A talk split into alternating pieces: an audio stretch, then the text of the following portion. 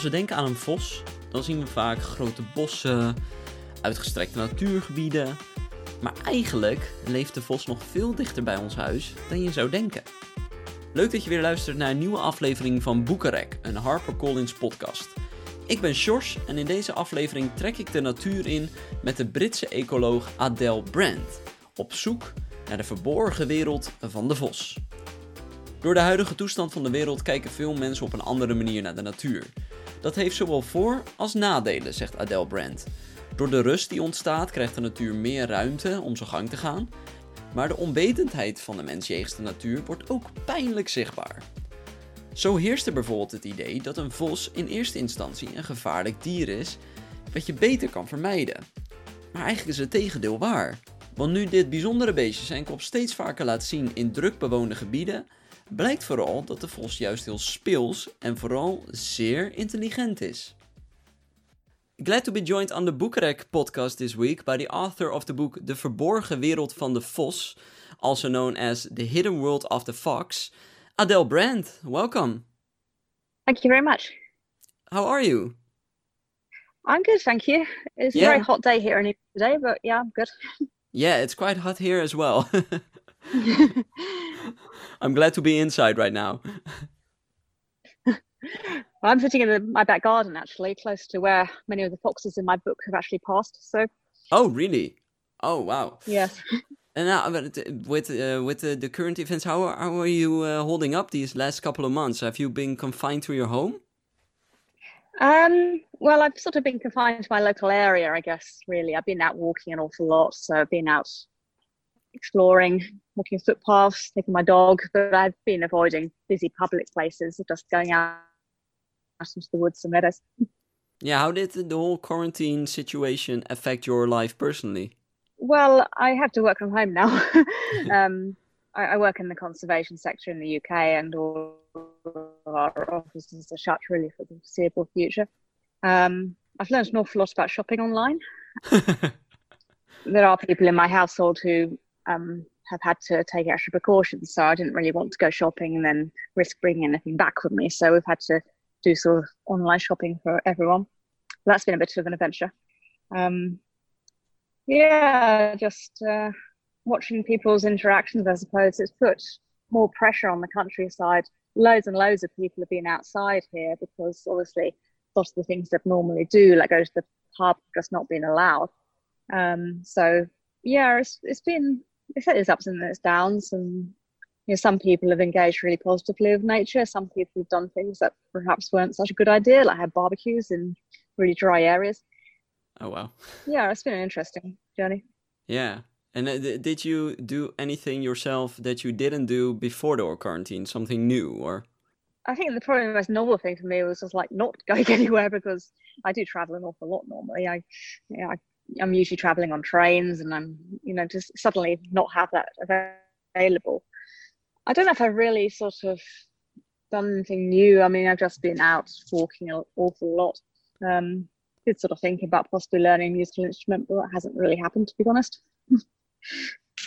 And normally, you, I, I, I imagine you, uh, you spend a whole uh, lot of time in nature because of your job. Yes, You can still do that, right? Right now. Well, there have been some changes, and one of the things that I'm involved in is dormouse conservation. And we haven't been able to do any surveys because that obviously usually requires having a group of people in close proximity in the wood, um, measuring the animals, and that just hasn't been possible. So that's had to be off really for this year. Hopefully, a bit later or next next spring, we'll be able to get some more data from them. Um, yeah, it's. Say, I've still had quite a lot of access to nature, but I've had to adjust, I suppose, to the fact that nature's been under quite a lot of pressure and um, had to sort of adapt some of my wildlife photography accordingly. You do you think this whole situation um, is something good that ca- uh, for for nature, or it, it's just uh, people just do something bad to it, put more uh, yeah, more more strain on it? I think it's been quite a mixed picture. Um, certainly, in places like in my local area, um, recreational pressure and recreational disturbance has been very high. And obviously, it's great that people are outside. Uh, but some of the things they've been doing when they've been outside haven't really been that good for nature. I've seen people running around in the crops, for example, which would disturb nesting birds. Um, to begin with, in the first few weeks, the amount of car use dropped off dramatically, and that have protected quite a few animals because this is a country with a very dense road network. Normally, we lose many foxes and badgers and deer every year to, to cars, so that was a plus. Um, on the other hand, having there's been quite a lot of antisocial behaviour in some parts of the countryside where people have been littering a lot and having barbecues where they shouldn't, and that has caused some quite serious problems. Oh wow, people people just it's like people they don't know what to do with themselves, so they do all these kind of things. They do, yes. It's uh, some of these people probably haven't really explored the countryside before, and they're not aware that some parts of it are really, really fragile. Um, some people, yeah, just been a little bit difficult, but um, it's been an opportunity to chat to people and to, you know, just to put out information on social media and just to encourage people to notice what, what their local neighborhood in terms of wildlife is all about. Yeah. Do, do you experience that people just don't know a whole lot about nature and how things work, even if they live close to it? Yeah, I think sometimes you can live next door to a place and not really know it, particularly if when it comes to Saturday, you're, you're normally you'd go do, do something entirely different, like going to a sports match or going down to the beach. Not there's anything wrong in that, of course, but that doesn't mean that because you live locally, you're necessarily going to really be aware of the woods and uh, footpaths um, close to your house. So, yeah, sometimes when people go out, they there's just things that I guess if you've been out there for years and years that you know uh, rules are there for a reason, like not feeding people's horses, for example, or uh, keeping dogs on leads in certain places. And uh, yeah, it's just sometimes just that lack of familiarity. Yeah, yeah. Here in the Netherlands, there was like uh, a peak in people uh, who uh, brought a dog home from the shelter because uh, because they they wanted to go outside, and what better way to do that with a dog? Yep. you see, do recommended. Yeah, yeah. Dog myself. So. Oh yeah, what kind of dog do you have? I have a Belgian Shepherd actually, so a continental breed. Oh wow. She doesn't like hot weather, so we we went out at quarter past four this morning. uh, but um, yeah, she's out with me, and a lot of the times when I'm out photographing wildlife, she's actually beside me, and because she's been doing that for years, she's very very good with wildlife, and she tends to keep very quiet if we see a fox or anything. Oh wow! So I, I I know because I'm more familiar with the countryside. There are places where I can't walk her, and I guess that's just that kind of educational thing, which um. Yeah, you think people are, are just less familiar these days with with how nature works and with uh, uh yeah we'll talk about the fox uh, soon, but with with with those kind of animals, I think there are a lot of people who just don't realize these kind of animals live in their country or even close to their homes. Yes, yeah, I, I completely agree with that. There's, and sometimes it goes in the other direction as well. I mean, I get asked from time to time if Regan still has wild bears, um, which we haven't done for a very long time. Um, so yeah, I, I, think I think there is a lack of connectivity with nature, and who live in a big city like London or Manchester, isn't always easy to know out in the mountains or the hills. Um, and when people do come across them, they sometimes are a little bit alarmed. They're not quite sure how to react, particularly if they see a fox in an urban area. It, it can be, I think, for someone like you that that uh, who is familiar with everything in nature and especially with foxes, it it can be a little bit frustrating, maybe. I think it's. Um, I think encouraging tolerance is something which I'm very keen on doing. Uh, there's a lot of fears that people have about species like foxes and um, wild birds, for example, sometimes they're not really founded in reality. Like foxes are not going to, you know, they're not a major threat to us, and we can coexist very well. But with people who don't really understand the real fox, they just see them perhaps just cross the road in front of their car, and that sort of element of doubt has crept in. And, and yeah, it's just giving them the opportunity to get to know the real fox, which is what I really aimed for in my book it's really really ironic, right? Because they think maybe a fox, a little fox, can be dangerous, but they also think bears live around around their house. Yeah, one of those strange things, really. I think uh, most most of the animals that do pose a threat to people would be cows. Um, you know, some species are large herbivores, like uh, I mean, elephants and hippos are actually quite threatening. People don't tend to think of them that way. They tend to think of them as quite cuddly. Not that they meet them in the UK, of course. No. Um, yeah, and then there's this fox. I mean, they're superficially like a dog, but they're they're quite different under the skin. Yeah. Yeah, it, to get to the, the fox, I got a, a trick question. A question. Maybe you say you have a dog. Uh, you you you've done research about foxes. What what is your favorite animal then? I do have a particular soft spot for foxes. I guess that's probably came across quite strongly in my book. Um, I'm interested in the whole of the dog family, so uh, wolves, jackals, foxes, um, wild dogs. I'm fond of wild cats as well. So I'm, okay. I'm sorry, it's not a very precise answer, but loads of animals appeal to me for different reasons. And why? I'm pretty keen on this, actually. yeah, but but and and, and why then? Uh, why then specialize uh, at the fox then?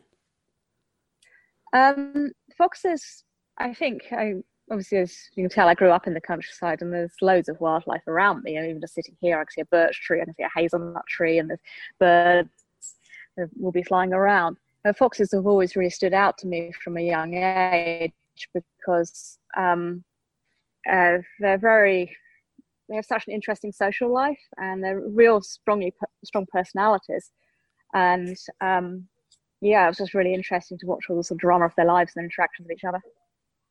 Are they are they intelligent animals?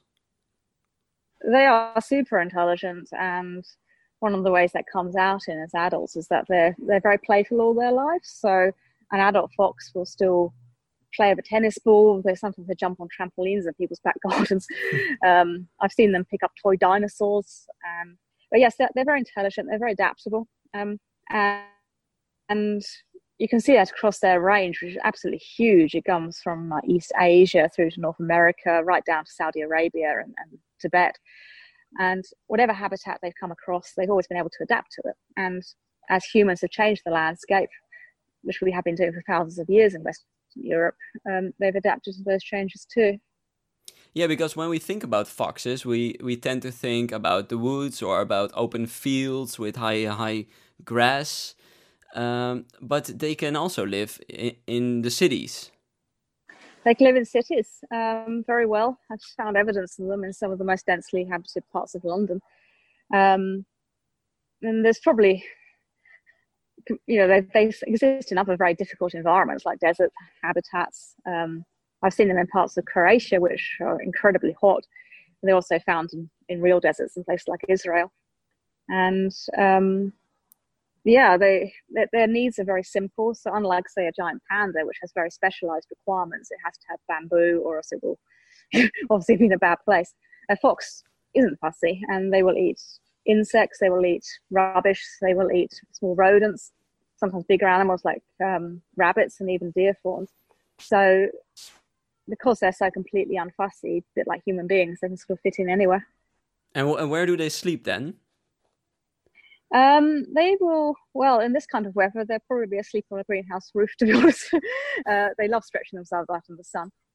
Um, they build dens in in um, woodland areas, so at the base of trees, um, in hedgerows. I've seen them curled up asleep there. I've also seen them stretched out in very narrow alleyways between buildings. Oh wow! But not necessarily. They don't need a hole to dig or. They, um, they... they will dig holes. Um, in fact, they're very good at doing that, and they will. Um, uh, those holes are sometimes other species will take advantage of them. There's some really interesting research that's been done in Alaska that uh, suggests that wolves will very readily take over um, fox burrows and uh, rear their own cubs in them. Oh, really? They just uh, adapt to their holes. Yes, they will enlarge them. Of course, the wolf is an awful lot larger than a fox. Yeah, yeah. They will then but uh, how do you think that it um, it's it's possible? They they migrate a lot. You say they they change habitats. Um, why do you? Yeah, why, do why do they travel that that that far and that much? Um, they will travel looking for a mate. They will travel looking for a territory of their own. Um, they will travel. They, they have quite a complicated social structure. Um, like you will have a family group, and if you can sort of imagine that sort of circles on the map where each circle is occupied by a particular family. Sort of on top of that, there's an extra layer of foxes that don't have a territory that they will just wander around randomly between all of them. Sometimes I've seen very large male foxes do that because presumably they don't have much to fear from the residents, and they will try and mate with as many vixens as they can. But normally, when when I imagine that I see a fox, I see um, a fox alone. I don't see a pack uh, or more at the same time. Maybe that's just me. But is that uh, is it more common that they travel with uh, uh other foxes, or they usually travel alone? Uh, they usually hunt alone. Okay, they hunt alone. Imagine that they are I mean, a, a wolves will hunt together because having a group mentality when you're bringing down a moose is really useful. But if you're just jumping on a mouse, then obviously uh, that's not going to work so well. So, um, um, yeah, so they will travel alone. Yeah.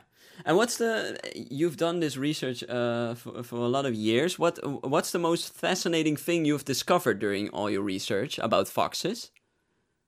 I think the thing that's really stood out to me is just how vivid and different their personalities are. Um, yeah, and just how how playful they are, and really, in some cases, just their incredible toughness and ability to survive as people change their habitats and um, yeah, just just make their lives very complicated. I imagine when doing your research, you you've seen them up close, but they they have also seen you. How do they respond when they see a human? Normally, what they will do is they will sit down. Um, in fact, my first blog was called "The Sitting Fox" because the habit is so ingrained in the species. Um, oh, wow. They will just sit down, to see what happens next, and they will. Um, some of them are much more tolerant than others, depending on their experiences. Some of them are very shy. Um, some of them are actually oblivious. And a couple of weeks ago, I was out walking my local hills, and I just turned a corner on the path, and there was um, there was this little fox cub just only about six feet from me that had curled up there and gone to sleep. Um, I was quite early in the morning, and um, I just stood there with my dog very very still. Eventually, it woke up, looked at me, and blinked and ran off. so they're not they're not scared that that, that much it depends on their experience and it depends how the local community treat them. I have been to parts of the world like southern Canada where uh, unfortunately members of the dog family do have good reason to be afraid of people and if I was to pull up in a car close to a fox there, then yeah, they, they would be out, just gone. Yeah, so so if if I'm in a, in one of our cities and I spot a fox, the chances are good that they uh, will run from me. Yeah, um, a lot of it depends upon that sort of the fox's personal experiences, what's called habituation. So um, foxes will um, they have what's called a flight distance. So basically, ones that are very familiar with people have learned over the years that they can outrun us, and they will have a very good map of their territory in their head, and um, uh, they will, you know, they will know where all the gaps under the fences are. They will know where all the safe places are. And if they see a person, they will be calculating, okay, well, that person's quite slow, and there's enough distance between me and them that I can run to that safe spot if I need to. But they won't waste energy unnecessarily. That's really smart. Yeah, yeah. it's a really good strategy because energy is like currency of survival in the wild, and whatever a fox uses up, um, they have to replenish somehow through hunting, through um, you know, for, for all the energy requirements. Yeah, they won't just go running without knowing where they're going. They have the strategy so they can preserve their energy. That is true, although they do seem to sometimes waste an extraordinary amount of energy yeah. through play. um, so there's a bit of give and take there, but all the same, they won't run off if they don't need to. and then, of course, the the, the question because um, foxes do look cute. They look fluffy. Uh, fluffy. They, uh, like you said, when you see them, they sit. So um, it's it's not hard to think of them like uh, dog related. Uh, so I can imagine that uh, people will think, well, I can pet them or I can play with them, um, but they're still wild animals. I always say to people that they make very very good wildlife and very bad pets. um, I've I've helped raise, I've helped foster uh, quite a number of cubs for a wildlife charity. And um, I've had that first-hand experience of actually caring for them. And they are incredibly cute, but they are absolute live wilds. If you can imagine a puppy, multiply that by 10, and you've got a fox cub, they're just irrepressible. Oh, and wow. uh, they won't hesitate to destroy whatever they can find, every toy they can find. And yeah. and are they dangerous then? No. Um, I think with any wild animal, you have to be sensible. You know, if, yeah. if you're concerned, speak to a professional. But it's um, you know, the grand scheme of things, they are a very easy animal to coexist with. They can cause some problems, but really for rabbits and guinea pigs, um, yeah, it's, it's and chickens, of course. So it's always good with those kinds of situations to the prevention is worth an awful lot of angst afterwards. So you know, if you keep chickens, just make sure you've got a fox-proof run put up an electric fence, sort of thing. Yeah. So mainly is if you let them be, they will let you be. Yeah, yeah, they they're just living their lives in in in this landscape that we share, and uh, yeah, they they're not they are curious about us. I have to say, they will watch us and. And if uh, I'm in the Netherlands, uh, in your uh, in the Dutch version of your book, you write about uh, foxes here. Um, if I want to uh, spot a fox, um, what what area do I have to go to to have the the biggest chance of seeing them? Um, there is that nature reserve on the coast. I think you'll probably have to give my pronunciation, but it's um, it's quite a well-known area where foxes come and play on the dunes. And um, there's actually a sort of trickle of English tourists who go over there, despite the fact we have loads of foxes here. The sort of spectacle of foxes on the North Sea coast and the dunes is something which attracts a lot of people. but and yes, I mean they they can be found in any habitat. And it's just a question really of understanding what they see in the landscape and what kinds of features are attractive to a fox, whether that's um, you know nice areas of woodland or just things that provide them with food, and um, really just keeping an eye out. It's a fascinating animal, and uh, I'm I'm glad I get to, to know them a little bit better through your book and through talking to you. Adele Brand, I want to thank you for your time uh, on this podcast today. Thank you very much. Dus mocht je je nog vervelen in deze gekke tijden, ga dan eens op onderzoek uit in je eigen buurt of omgeving. De kans is namelijk groot dat je zomaar oog in oog komt te staan met een vos. Wil je nou meer weten over dit mooie dier? Het boek De Verborgen Wereld van de Vos van Adele Brand is nu verkrijgbaar in alle on- en offline boekhandels en natuurlijk via harpercollins.nl. En dat was het weer voor deze aflevering van de Boekenrek podcast. Voor meer gesprekken met jouw favoriete auteurs kun je ons vinden op Apple Podcast, Spotify, Stitcher en alle andere podcast apps. Voor nu wens ik je nog een fijne dag. Blijf thuis, blijf gezond. Trek af en toe even lekker de natuur in. En blijf vooral lekker lezen. Tot de volgende keer.